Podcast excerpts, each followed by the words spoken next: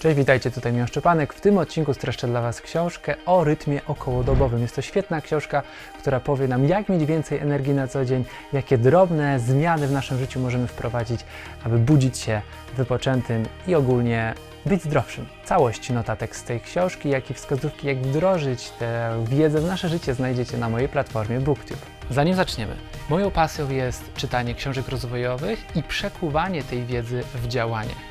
Dlatego stworzyłem społeczność BookTube, czyli miejsce dla osób, które razem ze mną chcą poznawać dwie książki w miesiącu.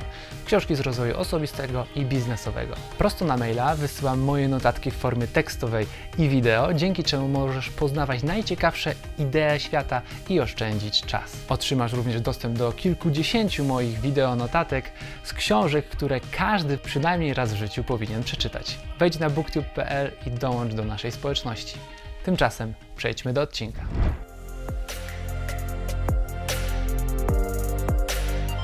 Autor książki o nazwisku Panda twierdzi, że rytm okołodobowy wpływa na nasze zdrowie, jakość snu, tak jak powiedzieliśmy, i ogólnie na całe nasze życie i wyjaśnia dlaczego. Po pierwsze, kiedyś, dawno temu, jak żyliśmy w jaskiniach, no to naturalnie budziło nas słońce. Wieczorami nie było elektryczności, więc jeżeli robił się zmrok, melatonina hormon snu wydzielał się sprawniej, szybciej niż dzisiaj i naturalnie chciało nam się spać. Ten rytm okołodobowy był bardzo wyraźny. Dzisiaj mamy to zakłócone poprzez właśnie technologię, poprzez to, że często wieczorami korzystamy z telefonów, ekranów, co powoduje zatrzymanie wydzielania melatoniny i gorszy sen. Ale to nie wszystko, bo to jakby to już wiemy. Co ciekawe, to, że spędzamy czas w budynkach jest również szkodliwe, bo w ciągu dnia nie dopływa do nas tyle światła, co kiedyś, kiedy musieliśmy chodzić z dzidą i polować na mamuty. Wtedy dopływało do nas bardzo dużo światła. Jednostka światła, która dopływa do naszych oczu, nazywa się lux. I tymi luksami też będziemy się za chwilę posługiwać. Ale to, na co warto zwrócić uwagę, to fakt, ile czasu spędzamy na dworze, lub ktoś powie na polu, ile światła do nas dopływa. Czy jest to dzień słoneczny, czy pochmurny? Czy pracując w biurze zwracamy uwagę? Prawdopodobnie nie. Czy siedzimy przy oknie, czy gdzieś w środku pomieszczenia? Przy oknie może być kilkukrotnie więcej światła niż na środku pomieszczenia. Jest taka aplikacja MyLux. Można sobie ją pobrać i korzystając z aparatu pokazuje nam ile światła dopływa do naszych oczu. Sprawdziłem kiedyś i 200 luksów jest w pokoju, kiedy jesteśmy daleko od okien, siedzimy na przykład na sofie. Przy oknie w pochmurny dzień masz już 4000 luksów.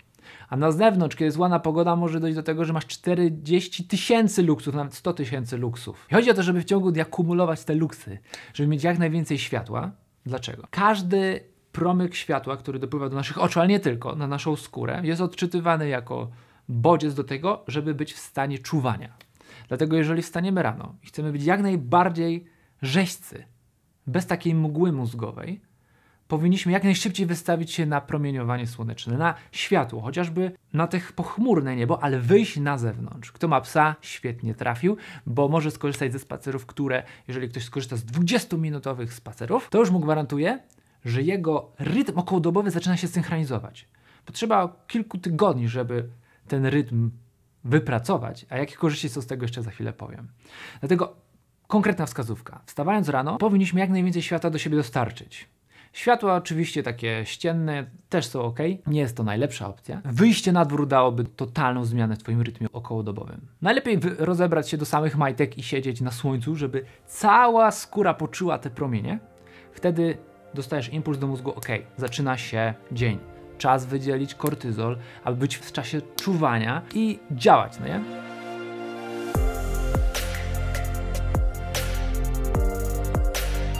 Kiedy nadchodzi wieczór, sytuacja jest odwrotna. Powinniśmy korzystać z jak najmniejszej ilości światła domowego. Dlaczego? Tak jak powiedzieliśmy, melatonina, hormon snu, wydziela się pod koniec dnia i kiedy jest ciemno, ma możliwość usypiania nas w naturalny sposób. Kiedy mamy mnóstwo świateł w domu, szczególnie tak od góry, to nasze receptory myślą, ok, jest dzień, trzeba czuwać, ale już przeciążamy swój organizm i sen nie jest wtedy taki głęboki, taki dobry. Nie wiem, czy wiesz, ale ja się dowiedziałem z tej książki, że tutaj pod powiekami mamy takie receptory światła, które właśnie od góry łapią to światło, więc jeżeli mamy światło takie sufitowe, żarówkowe, okazuje się, że ono nam najbardziej szkodzi, więc jeżeli już musisz pracować wieczorem, no to światła takie dolne, najlepiej podłogowe, lub takie na wysokości biurek, które nie świecą od góry, żeby Twoje oczy nie widziały tak mocnego światła. Jeżeli pracujesz przy biurku, to oświetlaj tylko i wyłącznie stronę, a nie całe pomieszczenie. Korzystaj z okularów, które mogą blokować niebieskie światło. Korzystaj z aplikacji na telefon, z trybu Night Shift. Wszystko po to, aby dać naturalnie możliwość tej melatoninie wydzielenia się i sen nasz będzie głębszy. Autor książki e, taki test zrobił. Kiedyś pracował w jakimś rezerwacie przyrody, gdzie był 10 godzin cały czas na zewnątrz. Bardzo dobrze spał. Było to zbadane, że ten wykres snu i tak dalej był bardzo dobrej jakości. Potem powrócił gdzieś do swojego laboratorium, gdzie miał dość dużo przeszkleń. Było trochę lepiej. W sensie niż normalnie, ale gorzej niż na przestrzeni otwartej. Czerwca wrócił w ogóle do takiej swojej nory, gdzie pracował gdzieś w podziemiach. No i ten sen był już bardzo zakłócony, no bo organizm nie miał wyraźnych granic, kiedy jest rytm okołodobowy. Start, kiedy koniec. Dlatego mm, widać, im mniej światła dostarczamy w ciągu dnia do naszych oczu, tym gorzej śpimy.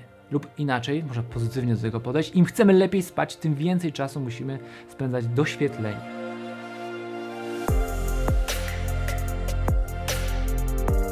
To wszystko wpływa nie tylko na sen, ale na całe nasze mm, leczenie w ogóle naszych chorób, stanów zapalnych, jak autor podaje, również na nowotwory, cukrzycę i inne poważne choroby.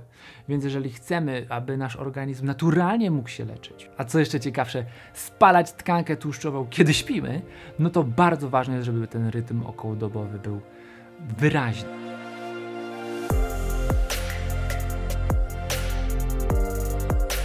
Stałe pory przyjmowania posiłków, kiedy zaczynasz pierwszy posiłek i kiedy kończysz. I tutaj autor sugeruje taką metodę time restricted eating, czyli jedzenie ograniczone w czasie.